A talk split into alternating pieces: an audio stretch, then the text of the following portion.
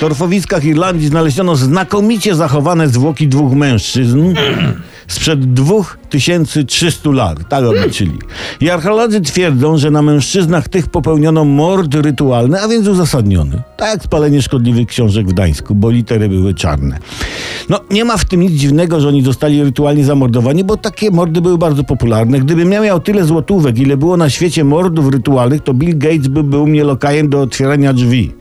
Pan Romusia mordy nie widział. No, kuchennych, panie Ambroży, kuchennych, gdybym tylko takie miał, ale mieszkam wysoko i gdybym miał drzwi kuchenne, to mógłbym przez nie wypaść, a więc nie, nie. W każdym razie ci odnalezieni byli, słuchajcie, ogoleni, ręce mieli nieskalane robotą fizyczną, a co najciekawsze, fryzurki mieli pracochłonnie postawione na żelu. Matko jedyno. No, Już zrobionym, tak, już wtedy, zrobionym z olejów roślinnych na żywicy.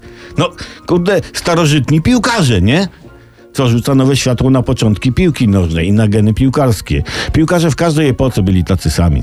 Zawsze dbali o włosy. I patrzcie, żadna piłka z tamtych czasów nie przetrwała, a żel na włosach został. Prawda? Ocalał.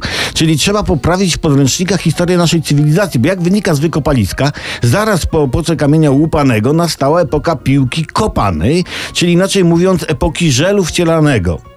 Obok Homo erectus, człowieka wyprostowanego, pojawił się człowiek nażelowany, Homo gelus.